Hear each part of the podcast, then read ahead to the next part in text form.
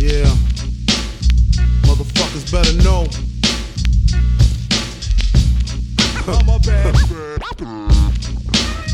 Lock your windows, close your doors, give you smalls. Huh. Yeah. My man Imp left a tech and a nine at my crib. Turned himself in, he had to do a bid. Kol, Halo. ya. Eh gimana ya ngomongnya ya? Karena kan ini karena kan, karena kan lu pendukung Suns ya. Jadi kan udah di luar eh, prediksi lo nih karena kan yang bener prediksi gua. jadi eh gua gua mau ngomong gini aja deh Paul sebelum kita ngobrolin eh Bucks sama Suns Eh, ya. tunggu dulu tuh pre- prediksi lo kalau emang Bucks menang di game berikutnya ya. Iya. Kalau nggak Bucks menang, di game ketujuh pun prediksi lo mele- me- me- meleset dikit. Meleset dikit, tapi ya maksudnya gue udah dukung Bucks kan. Kalau kalau tadi tuh Jelas. eh, kalau yang sebelumnya kan gue ngomong karena apa di episode sebelumnya gue bilang kalau Bucks itu gue unggulkan karena dia udah ngelewatin Kevin Durant dan Brooklyn Nets kan itu itu penilaian gue. Tapi sebelum kita ngomongin tentang akhirnya bener kalau Drew Holiday adalah missing piece-nya selama ini untuk Milwaukee Bucks gitu ya. Gue tuh senengnya kalau Bucks juara Paul. Kak, kenapa kalau kalau lu kan dari yang kita ngobrolin sebelumnya, oh Suns sih juara karena Cinderella story-nya paling paling bener kayak udah berapa tahun nggak pernah nggak pernah Bener. juara NBA, terus habis itu dia masuk playoff setelah se- berapa 11 tahun apa 10 tahun gitu baru masuk playoff lagi. Nah, Habis itu masuk final. Nah, kalau gua gua seneng kalau Bucks juara itu bukan masalah Cinderella story-nya, tapi gua kan suka suka bahas tentang loyalitas, Paul. Masalah loyalitas. Eh, Giannis itu menurut gua sekarang dia udah eh, sekarang menurut gua lambang loyalitas itu bahwa dia tadinya harusnya bisa pergi dari Milwaukee Bucks, tapi dia malah pilih extend sama Milwaukee Bucks, terus dia Drew Holiday masuk di situ. Jadi maksud gua itu tuh ngebuka ini gua apa namanya ibaratnya eh, nyenengin gua kalau oh ternyata masih bisa tuh loyalitas tuh sampai juara NBA gitu loh maksud gua Paul. Itu yang gua seneng dari Milwaukee Oke. Bucks gitu. Gitu. Oke. Nah, lu Oke. gimana lu? Jadi kalau mau ngomong loyalitas, dia di draft tahun berapa sih? 2013 ya? Kalau nggak salah iya. Beda beda dua musim sama eh, sama Devin Booker. Yes. Lihat yes. Devin Booker juga loyal. Phoenix nggak masuk playoff tahun ke tahun. Kalau mau ngomong loyalitas ya, Iya, ya, iya gue nggak gue nggak lihat kayak Devin Booker yang wah gue nggak masuk playoff nih gue mau pindah tim lain, gue mau gabung sama siapa. Sama sih kalau mau menurut gue, menurut lo dua tahun dari sekarang Devin Booker akan tetap di Phoenix nggak? Ka- Tebakan doang ya. Kalau gue sih tebakan gue kayaknya sih dia masih di Phoenix. Jadi kalau mau ngomong loyalitas, gue nggak bisa bilang itu Yanis unggul gimana jauh di atas Devin Booker. Mungkin karena dia lebih berumur aja. Iya, Kalau mau gitu. bilang eh eh, eh, Bucks emang eh, sa- eh, nggak bisa disebut Cinderella story, ya jelas karena dari tahun ke tahun mereka justru underachieve, di mana mereka harusnya udah masuk ke final. Hmm. Ini bukan tebakan gue ya, gue cuma ikutin banyak analis menyatakan bahwa di tahun yang di mana Raptors juara, harusnya Milwaukee Bucks tuh yang masuk. Iya dong, kan mereka seedingnya juga eh, selalu tinggi, best record, ini itu. Jadi secara mereka tuh sering jadi favorit di wilayah timur, Mm-mm. ini yang seharusnya mereka achieve. Yang gue eh, kaget adalah ya eh, mereka tuh bisa menang tiga game beruntun di atas Phoenix Suns. Dan gue nggak kasih kredit semuanya ke eh, Milwaukee Bucks. Gue udah pernah bilang ke lo kalau tiga-tiganya main bagus nih, dalam arti Yanis nggak usah kok setiap game cetak 40 plus poin, nggak usah kayak Shaq eh, angkanya nggak nggak usah kayak wow dia menyetak rekor hanya Michael Jordan dan Shaquille O'Neal yang pernah sejarah final. Hmm. Iya angka itu nggak ada artinya buat gue ya karena lu bandingin kayak Jordan di tahun 90-an men itu udah hampir 30 tahun yang lalu, 20-an tahun yang lalu Mm-mm. di mana di sebuah final skor finalnya itu adalah 86 87 atau 89 ke 93 gitu ya. Mm-mm. Itu kalau lo lihat game tadi itu 90 poin udah udah dicetak sebelum kuarter keempat. Iya. Jadi kalau lo mau bilang statistik dari satu pemain, oh lihat statistiknya itu setinggi ini, lo nggak bisa banding satu poin ke satu poin karena eh, tim sekarang zaman sekarang cetak poin jauh lebih tinggi dari dulu. Gue cuma ngomong dari jadi ngomong rebound pun juga bisa bilang sama karena tembakan eh, attempt shot attempt-nya jauh lebih banyak sekarang dibandingkan sebelumnya. Banyak orang melepaskan tembakan three point, jadi rebound yang jauh juga lebih banyak. Jadi guard pun bisa mendapat lebih banyak rebound. Jadi gue buat gue statistik individual itu nggak ada kayak gue nggak selalu breakdown ke situ lah kayak "Oh, ini karena karena Yanis gini gini gini enggak justru yang gue bilang Bucks itu paling bahaya kalau tiga pemainnya bisa lebih bagus di one on one duelnya paling nggak dua dari tiga atau tiga tiganya kalau lo bandingkan satu ke satu dari tiga pemain jago dari dua tim ini Mm-mm. Bucks unggul di mana kalau lo lihat dari duelnya Yanis sama uh, Aiton bisa dibilang Yanis selalu unggul lah di lima game ini Iya, tapi iya, iya. sayangnya untuk Phoenix Suns eh, bukan hanya Chris Middleton yang wangi, tapi Drew Holiday juga wangi. Dan gue udah bilang kalau tiga-tiganya lagi on, eh, apa si Yanis nggak usah nggak usah menggila atau gimana. Dia tadi berapa poin sih? Eh, 40. di 32. Tiga, tadi yang Oh, yang tadi. Oh, game lima. Iya, iya, Tadi iya. 30 32. Ya. Tapi Chris Middleton cuma du- eh, 29 berarti cuma 3 poin di belakang dia. Eh, Drew Holiday 27. Dan kalau mau lihat plus minus di mana banyak eh, orang zaman sekarang analis suka breakdown dari plus minus. Yanis justru minus 7. Tapi kalau lo lihat plus minus paling tinggi hari ini siapa? Drew Holiday, man. Iya. Dan dia gila banget. Jadi yang gue lihat dia 13 assist, 27 poin. Eh, lo nggak nggak disamain men dari Chris Paul sayangnya. Soalnya Devin Booker lagi-lagi cetak 40 poin. Tapi Chris Paul nih jagoan gue untuk awal dari awal seri untuk jadi MVP mulai menghilang. Di dari game ke satu ke game keempat semakin menurun produktivitasnya. Yang meningkat justru uh, turnovernya. Oke hari ini dia turnovernya nggak cuma satu kali turnover, tapi dia kayak mainnya tuh agak kayak apa ya? Dia agresif tapi nggak selalu. Yang gue lihat hari ini ya. Dan di Iya. game-game sebelumnya kayak dua game sebelumnya dia nggak cukup agresif. Kayak di mana di game satu dan kayak game dua dia sangat agresif. Dalam arti dia menjadi leader di tim ini dan Devin Booker jadi best offensive player di uh, Phoenix Suns. Iya, Karena iya. kalau lo harus Devin Booker yang jadi leadernya juga, menurut gue dia belum. Kenapa pengalaman dia aja lah, maksudnya belum nyampe. Baru pertama kali masuk playoff. Iya, iya. ya lo, lo sebelum-sebelumnya belum masuk playoff. Jadi yang gue lihat di sini benar-benar jam terbang eh, me- jadi jadi unggulan untuk Bucks dan eh, ada teman gue deh yang gue sering kayak chatting di selalu DM DM-an kalau habis game final dan bukan hanya dia tapi dia juga menyatakan ini setelah game kekalahan kedua jadi eh, 0-2 nih untuk Suns dia bilang ya Bucks emang gini kok pasti awalnya eh, nggak kayak nggak kayak kayak kayak kehilangan kesempatan tapi sebenarnya mereka akan pasti main lebih semakin ke sini semakin bagus. Dan itu di- di- terbukti dari seri-seri sebelumnya tapi gue apa ya bukan nggak percaya. Gue nggak percaya mereka bisa melakukan itu lagi lawan Phoenix Suns di mana itu benar-benar terjadi. Buk- bukan secara hanya dari pemain individual seperti uh, Chris Middleton dan akhirnya Drew Holiday Mm. tapi secara tim keseluruhannya. Ada saat mereka harusnya melakukan adjustment mereka lakukan adjustment kredit ya gue kasih kredit lo ke Coach Bud Ya. karena gue sering nyindir Coach Bud dia di seri ini ada saat dia harusnya melakukan eh, adjustment dia melakukan adjustment. Ada saat dia tidak harus melakukan adjustment dan dia menahan strateginya. Gue kasih contoh. Eh, ini dari dari quarter ke quarter kadang-kadang kita lihat ada berubah dari eh, defensive adjustment deh dari Phoenix Suns dari man to man. Kadang-kadang mereka mancing mereka main zone biar eh, karena Milwaukee Bucks jelas di dua game terakhir lu lihat eh, di tiga game terakhir sekarang.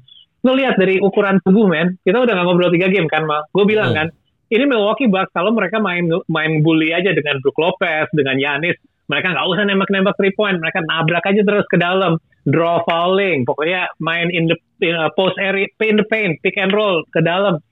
Mereka sih bisa ngebully dengan postur tubuh yang semakin besar. Apalagi Dario Saric ya lumayan ya. Dia berapa sih? 6'9 ya? Iya, kurang Lumayan lebih. tinggi lah. Kurang lebih tinggi ya. tapi dia udah dia dia nggak ada gitu. Jadi lo harusnya bisa take advantage. Nah saat gue lihat kayak ada adjustment dari defense-nya Suns untuk melakukan zone gue lihat dari Milwaukee Bucks nggak kepancing untuk nembak three point adalah mereka ngelepasin satu dua tapi nggak di luar yang biasa mereka lakukan. Justru saat mereka tidak harus melakukan adjustment jadi tiba-tiba mulai nembak three point three point three point mereka tetap maksakan oke mereka main zone oke lebih sulit untuk kita main di pen area tapi bisa lah nemu celah-celahnya. Dan gua ada satu yang eh, kita harus kasih kredit ke Yanis Antetokounmpo. Dia hari ini enam kali ya assist. Gue lihat kalau di game sebelumnya dia 8 kali assist. Dia Mhm. nggak ada kayak triple double assistnya nggak pernah kayak di atas 10 gitu. Tapi lo lihat deh passing-passing dia. Bahkan ada beberapa kali dia di game keempat dia beberapa kali fall ke- kena falling tapi falling itu bukan tem falling tembak kenapa karena saat dia last minute dia lagi nyari ke ke kanan lagi nyari nyari shooter nah, nyari PJ Tucker nyari siapa gitu Mm-mm. dan gue sempat mikir kayak lo jadi Yanis ngapain sih kalau kalau lo ke kalau lo gayanya masih mau nembak atau mau layup kan lu dapet dua free throw. Ngapain lo mau passing gitu? Jadinya nggak dapet free throw, jadi ball, ball out doang di samping. Tapi gue setelah gitu gue lihat lagi, emang dia bagus men untuk draw defense-nya dan kick out-nya. Dari sisi itu juga dia harus dikasih kredit dia semakin bagus. Jadi jadi jadi playmaker uh, dari offense-nya bagus defense-nya jelas bagus nanti kita bahas defense-nya. Mm -hmm. tapi dari playmaker dari playmaking juga bagus. Jadi gue lihat ini benar yang temen gue Aldi dan uh, analis-analis lain yang pernah sebut ini juga. Milwaukee Bucks di dalam sebuah seri minus musim yang mereka kalah sama Toronto ya. Mm -hmm. Mereka semakin ke sini tuh rata-rata biasanya mainnya semakin bagus dan minus seri yang lawan Miami Heat deh tahun lalu. Rata-rata lihat gitu, memang mereka mungkin mulainya kayak kelihatan sedikit slow. Tapi di sini Yanis mereka nggak ada jawaban untuk Yanis ya uh, Phoenix Phoenix Suns. Tapi nggak apa-apa, gue pikir nggak ada jawaban buat Yanis juga biarin aja Yanis 40 poin. Yang penting lo bisa shutdown yang lain. Masalahnya gila main shot for shot man Chris Middleton, Devin Booker gue nggak nyangka di final gue bakal lihat duelnya tuh antara Devin Booker sama Chris Middleton. Iya iya iya benar. Yang jelas ini adalah seri yang sangat seru. Mau nggak tidak mengecewakan walaupun gue bukan fan kedua tim ini tapi iya. gue sebagai fan nikmatin banget sih ini seri ini. Benar. itu gua, mungkin gak duduk men gue iya iya. Ini mungkin dia uh, tiba-tiba bisa playmaking. Giannis mungkin karena LeBron datang dari kondangan kan dia nonton tuh dari kondangan pakai batik. Gaya gue Bini gue kira itu offset dari dari Migos. Iya, ternyata LeBron. LeBron yang uh, katanya Gaya Space Jam-nya ya. dihujat orang ya. Space Jam-nya dihujat orang jadi dia datang ke pertandingan. Jadi dia udah Bagus, 11 kali total appearance kan ke final kan. Jadi udah 11 Bener. kali total appearance ada Bener. duduk. Jadi, jadi tetap tetap ya berjalan rekor dia ya. Tetap berjalan rekor dia. Cuma ya Paul ya, uh, sebenarnya Paul kalau masalah Chris Paul tadi kan ada lu bilang kalau dia sudah tidak seagresif itu karena kalau di game 1 ah, sama game 2 kalau nggak salah itu masih PJ Tucker yang jaga Chris Paul kan. Jadi karena PJ Bener. Tucker yang jaga Chris Paul mungkin uh, Chris Paul jauh lebih luasa tapi ketika game 3 game keempat ini ada perubahan bahwa uh, Drew Holiday yang ternyata harus menjaga uh, yang akhirnya di, di switch jaga, jadi jaga Chris Paul. Nah Drew Holiday hmm. ini sebenarnya gimana ya? Memang dia itu kalau scoring point emang on off. Tapi lu ingat gak waktu lawan Brooklyn Nets sempat pas PJ hmm. Tucker uh, PJ Tucker itu lagi fall trouble kan yang jaga KD disuruh jaga KD Drew Holiday. Jadi kayaknya yeah. memang Drew Holiday ini adalah tipikal defender yang lu memang memang mungkin shot lu tetap masuk. Kalau lu nge-shoot nge-shoot di depan dia on your face tetap masuk. Tapi menguras stamina musuh Paul. Jadi lu dibikin capek aja sama dia gitu. Ngerti. Yang ngerti basket ya kita kita yang yang mendengar overtime juga pasti gue yakin ngerti hal ini. Lo kalau main basket lawan defender kayak Drew Holiday lo capek sendiri men. Karena apa? Karena lo hmm. ditabrak lo disenggol. Drew Holiday dengan ukuran postur eh, tinggi dia itu ini kita sering dengar kan komentatornya ngomong juga Joe Holiday ini kuat banget. Dan itu lo bisa lihat kan dia cara dia main defense itu kuat banget. Offense-nya pun dia kalau layupnya sering nggak masuk tapi dia dapat kesempatan yang bagus karena dia bisa nabrak, dia bisa main fisik lawan defender dia siapa hmm. siapa pun itu. Dan itu sangat menguras tenaganya dan dia sempat uh, eh, gue lupa quote persis pakai bahasa Indonesia tapi gue uh, terjemahin ke bahasa Indonesia. Hmm. Dia menyatakan bahwa jangan nilai permainan gue hanya dari offense gue. Dan itu artinya bu, jangan nilai dari defense-nya juga, hanya defense-nya. Dari playmaking-nya juga, dari court awareness dia juga, dari hmm. teamwork dia. Jadi ada banyak. Jadi dia lo bilang, lu jangan nilai gue dari uh, offense gue. Da dalam arti, gue gue sih denger itu, gue cuma mikirnya gini, dalam arti, offense gue lagi jelek pun gak berarti gue bakal main jelek. Dan hmm. lo lihat kan dia nembak berapa sih kemarin dia 4 dari 20 ya? Iya, iya jelek banget, jelek banget. Iya kan? Ya. Game 4 tapi dia lu lihat nggak PD dia kayak menurun atau kepalanya menurun? Nggak pernah ekspresinya datar gitu aja. Sama kayak Chris Middleton kalau gue lihat ya. Main bagus main jelek mereka tuh nggak pernah kayak flexing kayak PJ Tucker yang teriak kayak kayak Bobby Portis kayak Yanis gitu. Enggak mereka datar. Tapi mereka lagi main bagus pun ya gitu datar. Gue lebih takut ketemu di lapangan sama orang kayak gitu daripada orang yang terlalu banyak bacot sih. Jujur aja. Iya, yang bacot-bacot gitu kalau lagi down lagi mereka down gitu nggak bakal banyak bacot kan? Jadi lo kan lebih pede gitu lawan kalau lo bisa ngalahin mereka sekali-sekali gitu. Nah kalau lo lawan yang diem doang atau yang senyum sekali-sekali itu lo kayak bingung sih kayak ini ini orang nggak nggak takut atau apa? Nggak tegang atau apa apa sih? Gue nggak bisa baca gitu ekspresi dia iya iya benar benar. Iya iya juga ya. Gua, Bener gue gue gue setuju tuh Paul masalah itu Paul lebih serem sih Paul ketemu orang yang kalem-kalem gitu Paul ya. Ya kan? ya kan? Jadi kalau, kalau kita kebetulan kita lagi ngomong Drew Holiday nih. Ayo Iya. kita bahas sedikit tentang defense. Ya. Di ini ini kita sering dengar uh, kata-kata dan sering disebut di overtime juga bahwa offense wins games, defense wins championships. Ya. Kejuaraan itu dimenangkan oleh defense. Dan gue lihat Giannis Antetokounmpo, gue sekarang akhirnya setuju kenapa dia di musim yang sama bisa dapat MVP dan bisa dapat Defensive Player of the Year. Bukan Yes. hanya dari blok dia terhadap dia, uh, DeAndre Ayton, Ya. tapi terhadap inbound steal-nya juga.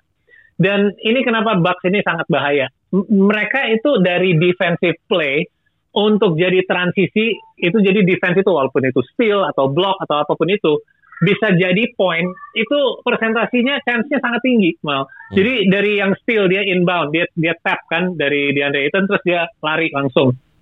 Dia tadi kayak kita lihat uh, turnovernya Chris Paul game sebelumnya itu menjadi menjadi point. Jadi dua kali kayak dua kali sial tau nggak kalau kalau lo kena steal atau kena block Mm. ada chance besar juga itu bisa jadi point bahkan bisa jadi N1 di sebelah di ujung sana. Jadi law- Milwaukee Bucks ini gue lihat uh, apa ya ta- pisau yang tajam di dua sisi. Hmm. Jadi dari nusuk juga kena, pas lo tarik juga kena. Kayak kayak pisau yang ada gergajinya gitu. Iya, iya, Kayak iya. bahaya banget men. Kayak mereka bisa menggunakan dan ini di mana mereka menggunakan selalu di akhir-akhir game defense-nya. Tahu nggak gue Ah. kenapa gue bilang kenapa kenapa ini defense mereka sangat baik. Lu perhatiin nggak di akhir beberapa game ini yang Bucks menang? Di akhir game ini nggak terasa lambat dengan replay. Dengan nggak terasa lambat dari replay kayak wah, wasitnya harus pasang headphone lagi ke ujung, lihat-lihat lagi, diulang-ulang lagi, kita nunggu. Enggak kan? Mm-mm. Di mana Chris Paul turnover, di mana yang steal Yanis, di mana bloknya DeAndre Ayton, itu sampai gak di replay buat kita nonton sampai setelah pertandingannya.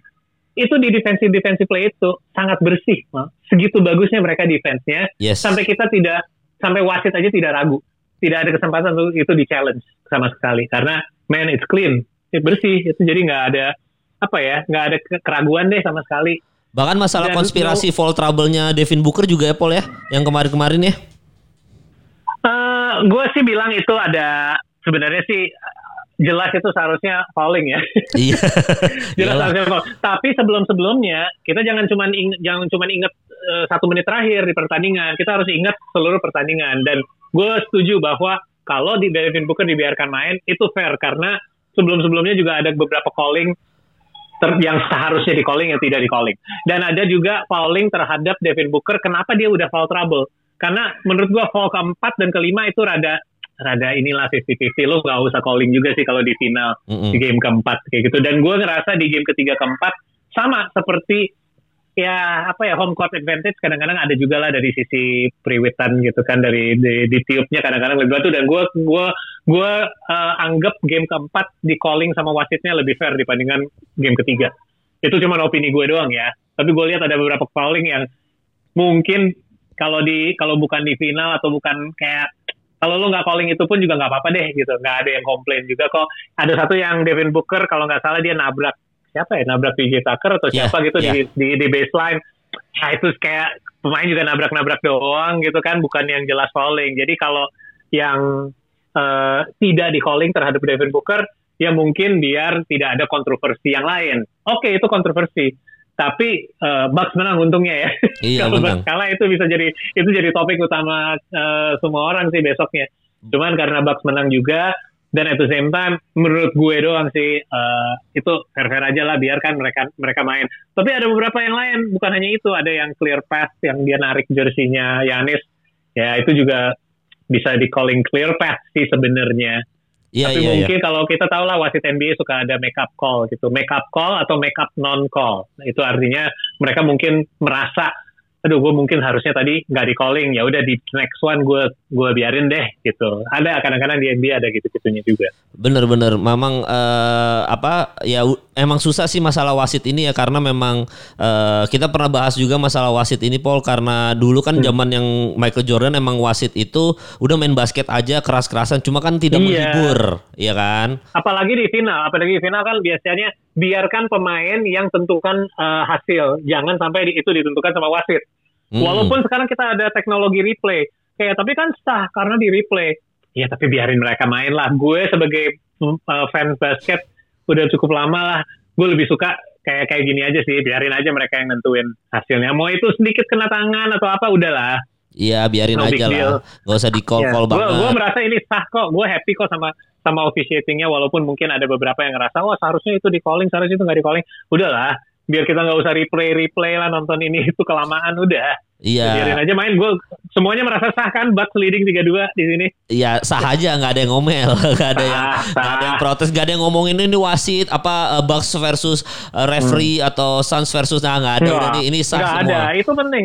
Padahal ada musuhnya Chris Paul ya di game ketiga atau game wasit yang musuh dia saat di Musuh dia LA sama banget. di Houston. Parah Tapi parah. gue gue bisa gue juga bisa bilang awalnya gue sempet mikir kayak anjing nih kok eh, Chris Paul melakukan turnover eh, Mm-mm. dia di di game kedua sampai ke game keempat itu tiga game dia rata-rata lima turnover per game ya Mm-mm. ada enam ada empat dan ada lima jadi 15 turnover di tiga game awalnya gue sempet mikir kayak di akhir pertandingan nih kayak kok Suns apa mereka karena baru nih masuk playoff kayak belum ada pengalaman tapi ada Chris Paul bukan alasan. Enggak sih, setelah gue lihat lagi highlightsnya, gue nonton lagi di akhir gamenya, gue setuju bahwa ya sebagian emang ada eh, sedikit eh, apa ya, ceroboh dikit lah dari dari Phoenix Suns-nya sedikit careless, tapi kebanyakan itu emang dari defense-nya Milwaukee Bucks. Gue harus kasih kredit ke defense Milwaukee Bucks sih. Bener, Luar bener biasa. banget. Jadi eh, masalah defense bungkus nih ya. Sekarang kita mau bahas offense nih, Paul. Sekarang Paul. Hmm, Nah, oke, defense udah tadi udah udah lu jabarin semua dan memang itu yang terjadi sama Milwaukee Bucks. Dari eh, sampai udah nggak ada replay-replay nggak penting dari wasit saking rapinya defense mereka. Dan itu terbukti bahwa eh, setiap tahun selalu ada peningkatan defense defense sampai akhirnya puncaknya adalah ketika eh, Giannis Antetokounmpo menjadi MVP sekaligus eh, Defensive Player of the Year. Padahal banyak orang yang segitu eh, bencinya sama keputusan bahwa eh kok bisa Giannis ini padahal harusnya Anthony Davis babak segala macam tapi salah satunya. Iya. saat iya. itu ya, saat itu. Iya benar karena waktu lu waktu itu pas kita eh, nge-podcast lu nggak megang dia sama sekali untuk defensive player of the year kan tapi memang Enggak, begitu- soalnya gue lihat ya gue lihat sorry mal gue potong. Iya, iya, tapi iya. gue lihat Yanis Yanis saat itu gue nggak ngerasa salah gue dengan opini gue saat itu. Tapi gue juga ngerasa Yanis yang kita lihat sekarang bukan Yanis yang kita lihat dua musim yang lalu sih. yes yes yes iya iya Ya, itu. iya iya jadi memang eh, di- di- tapi di situ gua me- buset anak Paul ntar nyaring banget Paul. Jadi, jadi eh, apa namanya eh, gua ngerasa bahwa di situ sebenarnya ada peningkatan sedikit eh, ada peningkatan ada ada ada grafik bahwa defense-nya Bucks itu meningkat gitu loh. Itu aja sih yang gua nilai ya. Hmm. maksud gua penilaian di situ dan terbukti makin ke sini makin mateng. Ketika lawan Brooklyn Nets kelihatan bahwa apa yang tidak bisa dilakukan Eric Bledsoe ternyata bisa di cover oleh seorang Jrue Holiday. Ada PJ Tucker di sini karena kita tahu di Houston Rockets juga PJ Tucker spesialis eh, defense gitu ya. Lebih ke defense. Jadi Ya. memang makin ke sini dengan ada Giannis Middleton Brook Lopez tambahan Jrue Holiday dan PJ Tucker ini kayak udah oh paket lengkap aja dan itu kelihatan di final. Nah ini kita bahas offense nih Paul Offense ini yang paling signifikan adalah eh, ke Phoenix Suns ya karena kalau masalah offense tadi Milwaukee Bucks lu udah sounding sedikit oh dia udah zone tapi nggak nggak peduli Milwaukee tetap eh, attack seperti biasanya. Cuma nih Phoenix Suns ada masalah sedikit yaitu adalah eh, biasanya kita tahu Phoenix Suns itu eh, aliran bolanya bagus Paul ya kan. Tapi beberapa pertandingan ini tiba-tiba menjadi offense mereka jadi banyak ISO. Jadi eh, Booker lebih banyak eh, ISO gitu. Nah, ini sebenarnya kenapa sih Paul maksud gua kalau kalau dari dari dari lu deh sebagai eh, penonton biasa penikmat NBA ini yang tadinya kita seneng nonton Phoenix Suns dengan passing-passing yang bagus banget eh, aliran bola yang bagus ini kok tiba-tiba kok jadi isolation gini ini kenapa Paul? Oke. Gua sebenarnya nggak ada salahnya untuk mengandalkan pemain bintang lo yang lagi panas. Yes. di mana di di kita sempat lihat penurunan dari Devin Booker sampai di game ketiga kekalahan mereka di Milwaukee pertama Yes. dia itu cetak 10 poin ya kalau nggak salah ya Ya, ya. dia tidak dimainkan sama eh, pelatihnya sama Monty Williams di quarter terakhir sebenarnya itu bukan karena dia di bench karena mainnya jelek ya kelihatannya sih se- seperti itu bisa dan bisa jadi itu yang terjadi tapi bisa jadi eh, Monty Williams itu kan mereka ketinggalan kalau nggak salah sekitar 20 poin lah lumayan jauh lah di awal quarter keempat Ya. ya dia emang awal quarter 4 wajar kalau Devin Booker diistirahatin. Dan menurut gue dia pengen lihat dulu nih kita ada chance nggak untuk untuk comeback nih. Setelah dia lihat kayak Bucks masih ngegas dan mereka semakin jauh, dia ambil keputusan untuk tidak masukin Devin Booker sama sekali. Kalian istirahatin mungkin kan dia udah main menit berat juga. disimpan buat next game dan bahkan nggak lama habis itu uh, di uh, DeAndre Ayton dikeluarkan dan yang terakhir nggak lama dua menit uh, kemudian Chris Paul dikeluarkan juga. Ya. Tapi itu kayak menunjukkan sesuatu buat Devin Booker dan banyak orang termasuk gue yang menyangka bahwa next game Devin Booker akan menggila sih karena dia ngerasa mengecewakan uh, buat diri sendiri dan mungkin buat timnya hanya mencetak 10 poin. Uh, apa field goalnya juga tiga dari 14 ya uh, kali uh, apa uh, percobaan. Mm -hmm. Di next game dia, saya Devin Booker tuh tipe orang yang dia harus di atas 20 shot lah. Maksudnya dia adalah uh, offensive player utama lo, dia adalah uh, apa ya senjata utama lo. Next game dia keluar 42 poin kan? Iya. Yeah. Dan di game dan di game hari ini pun 40 poin gitu. Jadi menurut gue nggak ada masalah untuk dia uh, dijadikan selalu jadi offensive first option. Uh, gue nggak ngelihat apa ya, justru gue gue nggak ngelihat apa Phoenix Suns yang offense-nya terlalu uh, terlalu jelek. Gue lebih lihat balik lagi ke bagusnya Milwaukee Bucks defense-nya mal kayak yeah, yeah, yeah. justru karena mereka keganggu passing lane suka kepotong kayak mereka sebenarnya nggak lakukan jauh beda kok yang dilakukan di game pertama sampai game kedua dan ada ber, man Devin Booker tembakannya yang masuk-masuk sih gila sih kayak anjing itu dijaganya kayak udah nggak bisa dijaga lebih ketat lagi gitu. PJ Tucker good defender banget man Drew Holiday. Tapi he's making shots gitu tembakannya masuk aja. Cuman yang kita lihat ya terutama di game hari ini mereka seberapa dalam mainnya ke bangku cadangan? Hari ini kedua tim ini dua-duanya hanya main 8 pemain maaf di mana di game sebelumnya uh, mereka masih kayak masih bisa masuk ke uh, uh, di dua game sebelumnya masih kayak 10 pemain lah, lima dari bench gitu. Kedua-duanya, dua-duanya jadi kita tahu kalau di final, di playoff apalagi di final, rotasi pemain semakin dalam ke sebuah seri akan semakin uh, kecil ya diperketat karena lo akan mainin bintang lo lebih berat heavy minutes karena uh, udah mendekati akhir seri apalagi di final nggak ada besoknya nih. Yeah. Nah, uh, gue lihat masalahnya adalah di uh, Chris Paul. Chris Paul kayak terlalu kita lihat di game satu sama kedua, dia agresif dari awal, tapi itu itu tidak mengurangi produktivitas dari Devin Booker. Nanti nggak sih Devin Booker dapat tembakannya juga kok, tapi Chris Paul juga tetap makan gitu, dia tetap dapat mid range-nya, dia tetap dan dia distribusi setelah itu. Yang gue lihat dari Chris Paul di beberapa game terakhir ini dia kayak ingin distribusi duluan, kayak nggak terlalu mikirin shot sendiri. Di mana akhirnya dia tidak cair. Hari ini dia lebih oke, okay, tapi nggak cukup. Hmm. Maksudnya menurut gue kayak nggak bukan Chris Paul yang kita lihat sebelum-sebelumnya lah tentatif takut mungkin asisnya juga cuma 9 emang hari ini nggak nggak nggak jelek-jelek amat Chris Paul. Cuman kayak bukan Chris Paul yang kita udah lihat menggila di beberapa seri di playoff musim ini lah yes yes. uh, ma apa Michael Bridges? Bagus kok. Yep. Jay Crowder tidak mengecewakan buat gue. Nggak ada yang jelek-jelek amat. Cuman efisiensinya um, DeAndre Ayton uh, lumayan menurun. Itu juga menurut gue dari defense-nya, defense-nya udah lebih apa ya? Lebih inilah, lebih ngebaca situasi. Yeah. dan nggak uh, takut untuk kayak naro naro tubuh lah, nabrak tubuh. Ya, yeah, ya, yeah, Badan itu. body ke body gitu, big man. Dan kalau mau yang offense, gue lebih gini deh, dibandingkan uh, Milwaukee Bucks. Gue lihat ada perubahan di offense di game pertama, game kedua dibandingkan tiga game terakhir ini tinggi di mana mereka menang. Di mana kita lihat uh, mereka set offense-nya tuh nggak lama. Kita lihat kalau di Phoenix Suns kayak semakin ke sini kayak semakin sedikit lebih lambat gitu set offense-nya. Kalau lihat dari Milwaukee Bucks, mereka semakin cepat set offense-nya. Masuk ke Yanis, Yanis nggak pakai lama kayak megang bola dulu, terus tiba-tiba back down dua kali dribble baru dia make a move gitu enggak dia kalau ada entry pass ke Yanis Antetokounmpo dia langsung make, langsung dribble langsung masuk langsung jump hook atau apalah yang dia lakukan iya yeah. bahkan ada sering ada aksi yang tidak dimulai dari Yanis Antetokounmpo dan menurut gue ini adjustment yang nggak tahu ini adjustment jelas dari coach Bud ya tapi dari pemainnya sendiri juga gue yakin ini ada dari ada adjustment yang dari coach ada adjustment dari pemain ini menurut gue ada kombinasi dari dua-duanya gue nggak tahu dari siapa ya, yang mana tuh dari siapa. Tapi gue lihat nih hal-hal seperti uh, pick and roll. Pick and rollnya sekarang yang nge-set screennya Yanis. Jadinya dia free, dia nggak di double team dari awal. Ingat nggak waktu seri lawan Toronto, apa yang terjadi? Dia dijaga Kawhi, terus uh, Raptors membuat tembok. Jadi hmm. setiap kali bolanya masuk ke Yanis, udah dia dikeroyok aja ibaratnya, sampai dia nggak bisa ngapa-ngapain. Hmm. Di sini dia di seri ini gue semakin lihat dia tuh kayak nggak terlalu dibebani dengan offense harus mulai di dia. Oke. Offense bisa mulai di Chris Middleton, di Drew Holiday dia bisa jadi screen. Bahkan dia sering jadi dapat uh, uh, baseline, lari dari baseline tanpa bola.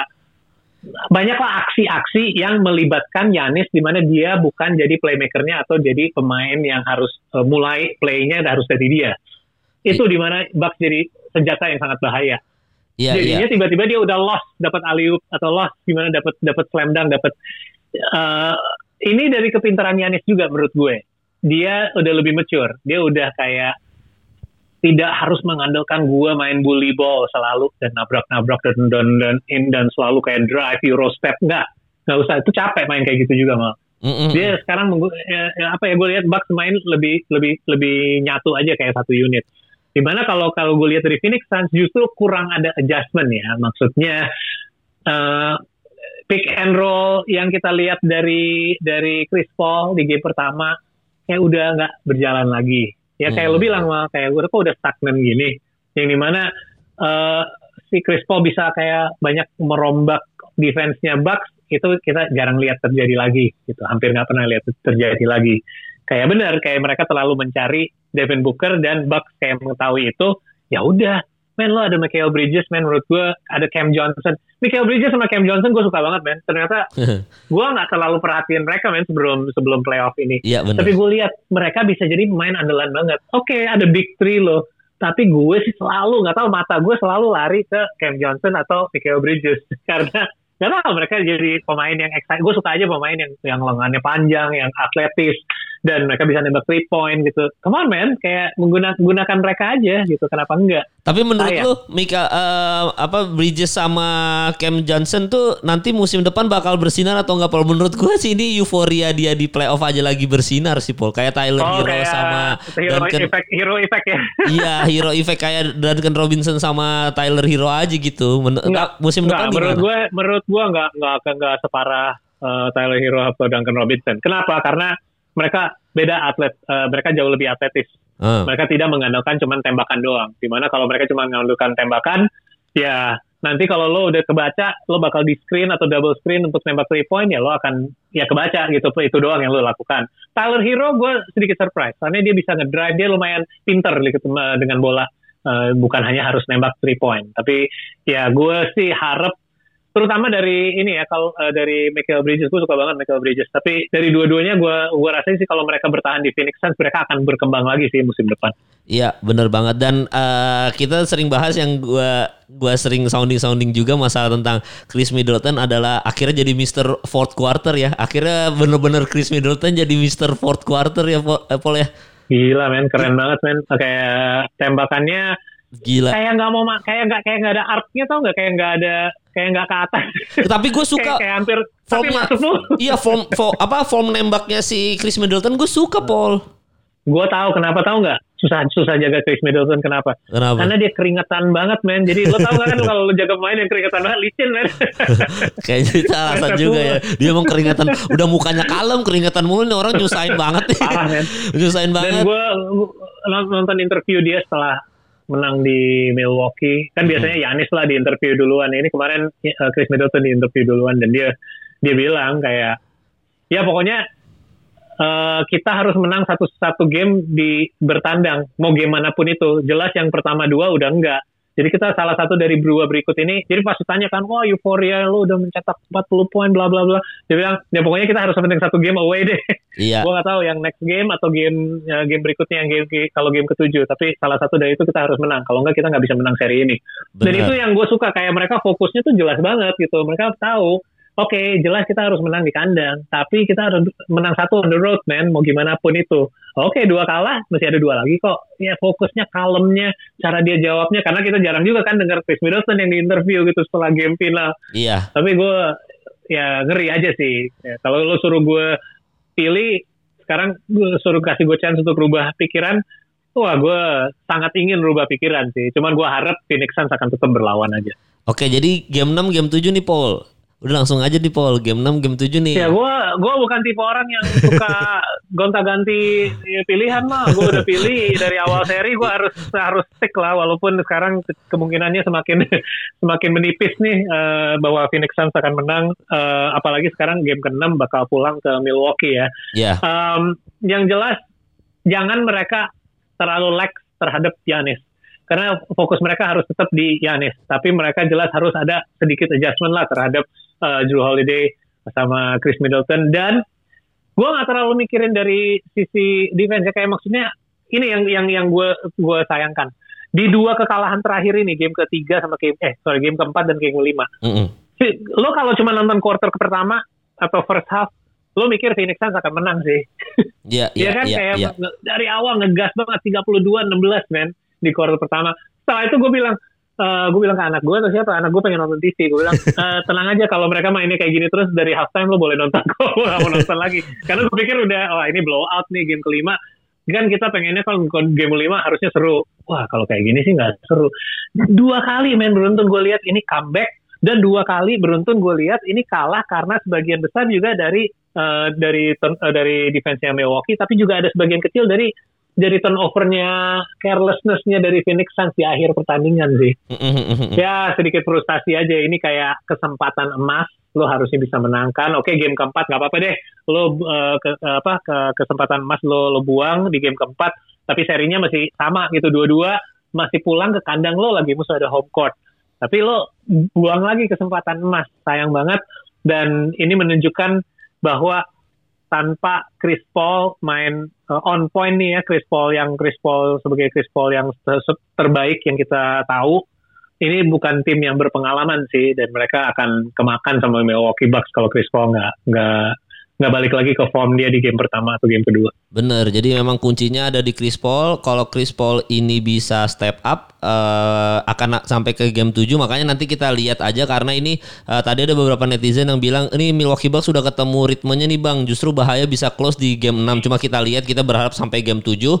Cuma ini Paul terakhir Paul sebelum kita udahan nih ada yang nanya-nanya Off juga. the record ya, off the record mah, off the record. Iya, iya. Off the record sih kayaknya kelar di 6 nih, cuman gue salah pilih tim.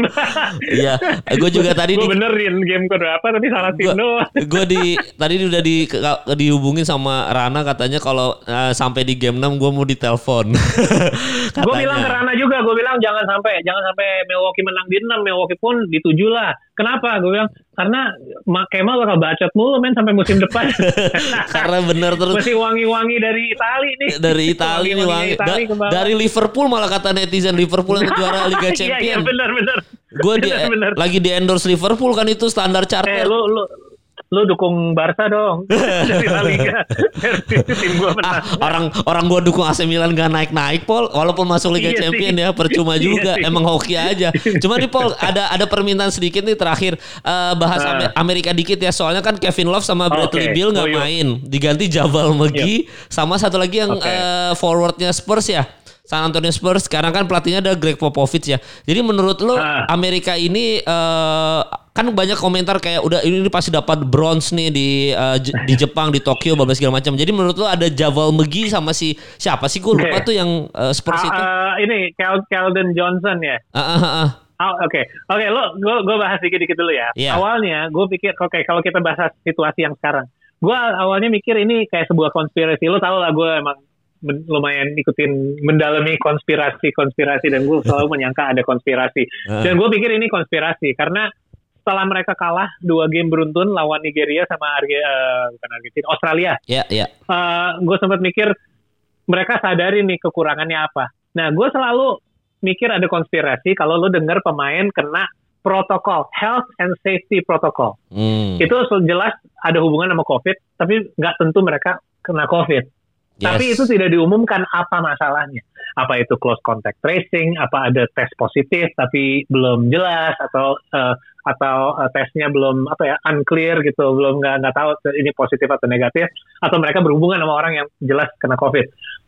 Ini gue kira itu adalah konspirasi untuk menggantikan pemain-pemain biar tim mereka lebih kuat. Jadi awalnya mereka lihat dulu nih kekurangannya apa. Hmm. Karena kalau lihat tim USA, kita selalu jagokan tim USA dan mikir ini bakal jadi kayak uh, All Star Weekend, All Star Game. Karena kenapa? Karena bintang-bintang ini main bersama. Mm-mm. Jangan salah, All Star Game itu dimainkan emang sama bintang-bintang bersama di mana mereka dicabut dari tim-tim yang berbeda tapi bisa main kok bagus banget mainnya karena gak ada yang main defense di All Star Game. Jadi Hmm. pasti bagus-bagus aja kalau lu cuman lempar-lempar bola ke ring dan tinggal di slam dunk aja.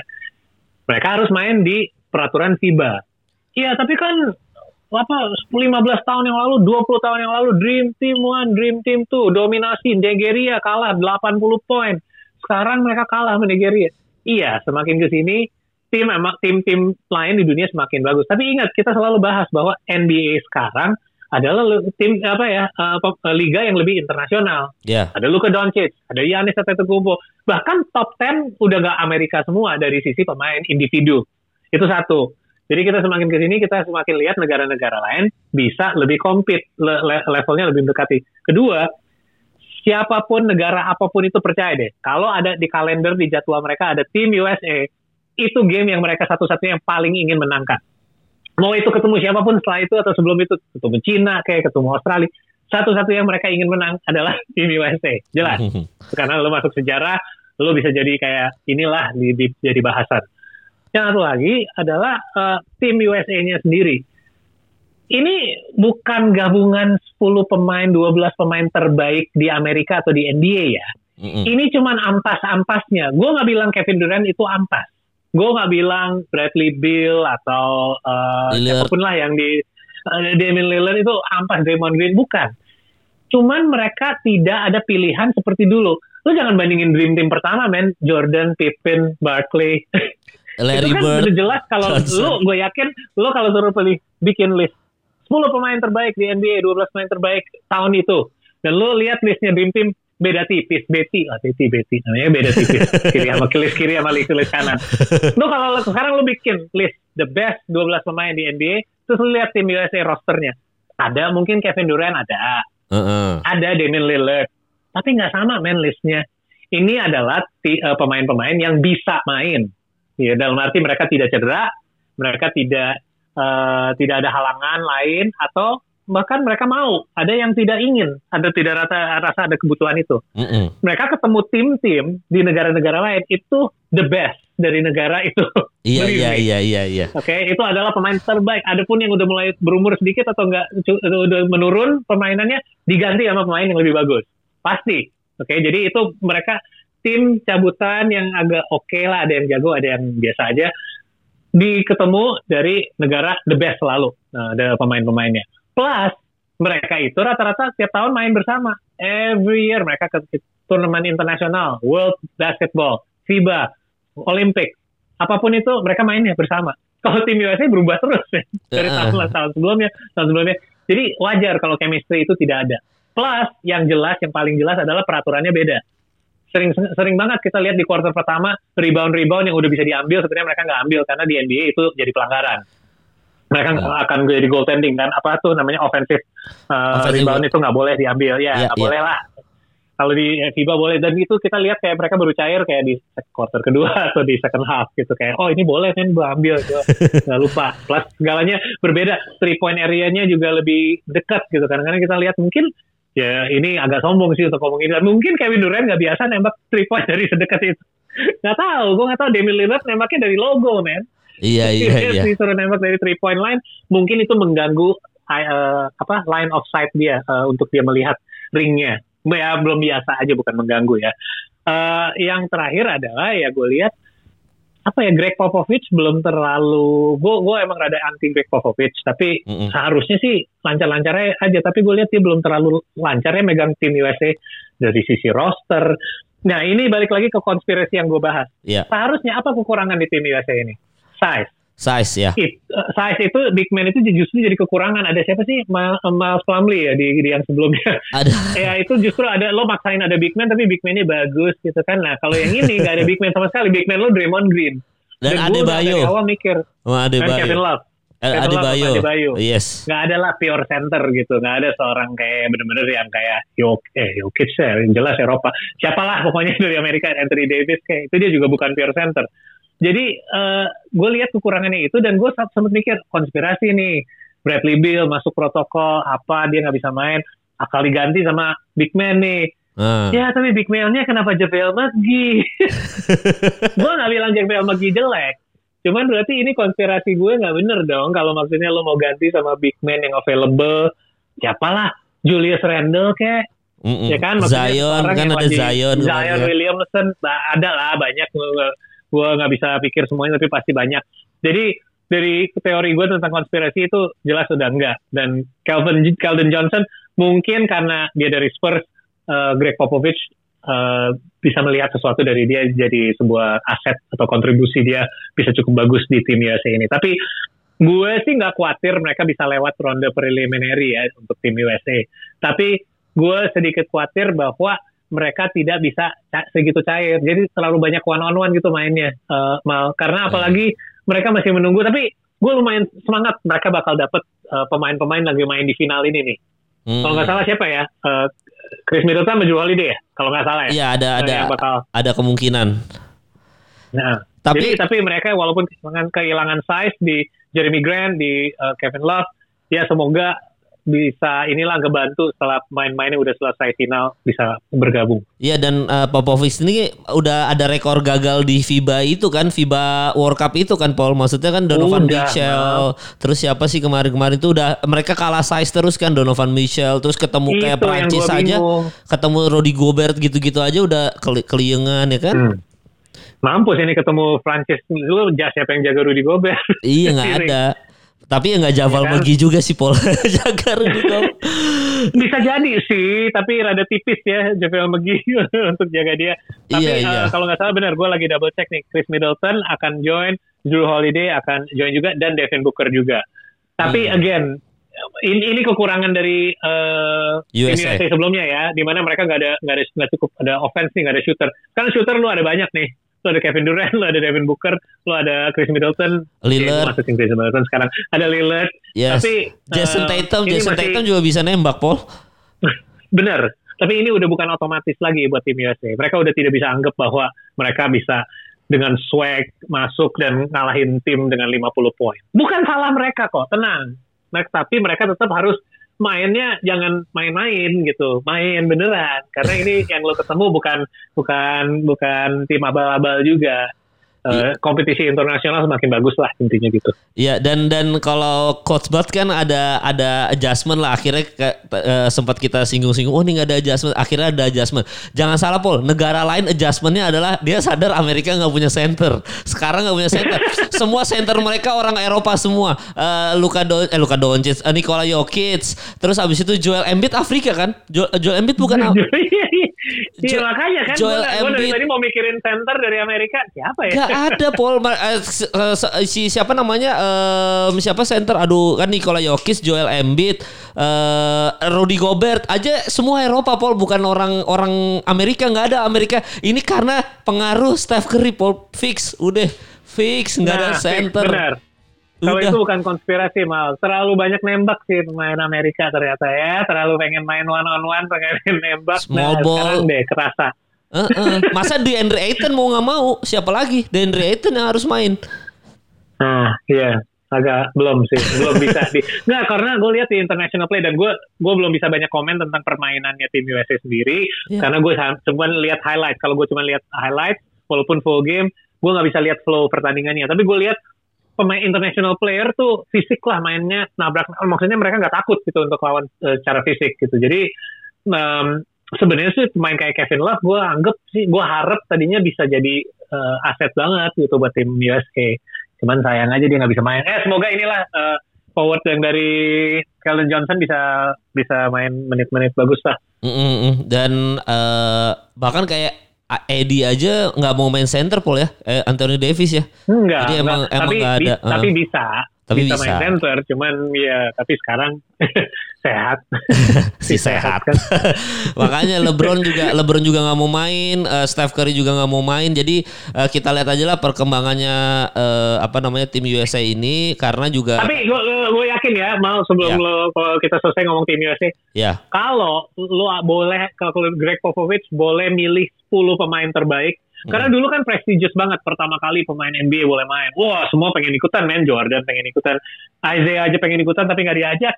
Iya musuhan. Eh, Kalau kalau Popovich boleh bikin list top 10 pemain di NBA, gue yakin bantai sih tim. Eh, Walaupun nggak sejauh eh, tahun-tahun 90-an tim-tim pertama, tapi bantai lah kalau lo adanya Steph Curry, LeBron James, itu semua ya full timnya lo Ya top habis sih. eh, 12 pemain terbaik di NBA tetap jauh sih menurut gue. Cuman nggak sejauh dulu, tapi Amerika tetaplah nomor satu. Bener, makanya nanti kita lihat aja kan eh, ini juga baru uji coba eh, sempat gagal juga di FIBA World Cup. Kita nggak tahu nanti di Olimpiade gimana tapi gue yakin eh, Popovich nggak akan kecolongan dua kali lah ya. Maksudnya kayak FIBA World Cup udah kalah. Walaupun itu yang MVP-nya FIBA World Cup Ricky Rubio kan? Rubionya dikasih awardnya sama oh iya. Kobe Bryant lagi. Wah itu Iya iya. itu keren banget itu. Kobe Bryant ngasih ke Ricky Rubio kan itu. Ya. Iya Iya. penghargaannya Tuh kan center lagi tuh, Gasol tuh center lagi, tapi bukan Amerika. Iya makanya jadi Banyak Sas I- center-center di Ibaka. Ibaka juga Ibaka, bukan Amerika Eh, makanya si Valanciunas Valanciunas bukan Amerika Iya kan semuanya Bener-bener men. nggak punya Bener men. Masa Steven Adams suruh main? Ya Allah Steven Dia Adams. dia bukan Amerika juga men. Oh, iya, New iya. Zealand. iya New Zealand lagi. Iya juga ya Steven Adams. jadi makanya itu itu adjustmentnya negara lain cuy. Kita anjurin pakai size. Ada adjustment. Karena kita kan kelihatan tuh semua bersize kan. Luka Doncic ada ototnya. Giannis satu kumpo Greek Freak. Wah kan kayaknya Ah. kelihatan gitu. Dan Greek Freak bisa mengobrak abrik pertahanan eh, defense-nya ini kan. Jadi kelihatan Eropa wah kelemahannya Amerika size. Kita gedein semua. Gak usah pegang bola fitness aja gitu Nah, terus tiba-tiba dari Amerika Kevin Durant, Steph Curry, ah krempeng-krempeng semua nih. Ya, pada cedera Booker, gampang ya. cedera lagi ya kan ah di gue sikatin semua lu gampang cedera Jebel lu. McGee ya, senternya pun Jebel McGee. iya aduh kasihan Si, banget si gemuk. Iya makanya kan makanya kita lihat aja lah kita lihat nanti ke depannya Ya. gimana Amerika to- cuma eh, nanti kapan eh, Milwaukee Bucks main lagi Paul ini kan hari Minggu Eh, sekarang ya. Rabu, Rabu sama Jumat kalau jadi ke game ketujuh. Oke Rabu Jumat kita Jadi- tunggu Rabu nanti kita lihat Rabu ada progres apa kalau udah bungkus eh, apa namanya eh, di game Bung, eh, bungkus nggak bungkus kita ngobrol lagi lah Iya, setelah game ke-6. ngobrol lagi lah. Siapa tahu ada perkembangan lucu-lucuan lagi dari tim USA. Cuma ya kita berarti nunggu Siap. di hari Rabu Paul ya. Berkabar ya. Rabu, ya. Ya, Siap. ya udah oke. Thank you Paul Thank kalau you, gitu. Mal. Thank you buat yang udah eh, yang udah dengerin sampai bertemu di episode selanjutnya. Hey, dirty, what? Look at that girl right there. She make me say, yeah, boom, boom. Do what you do. I like the way you do that right there, right there. Switch your hips when you walk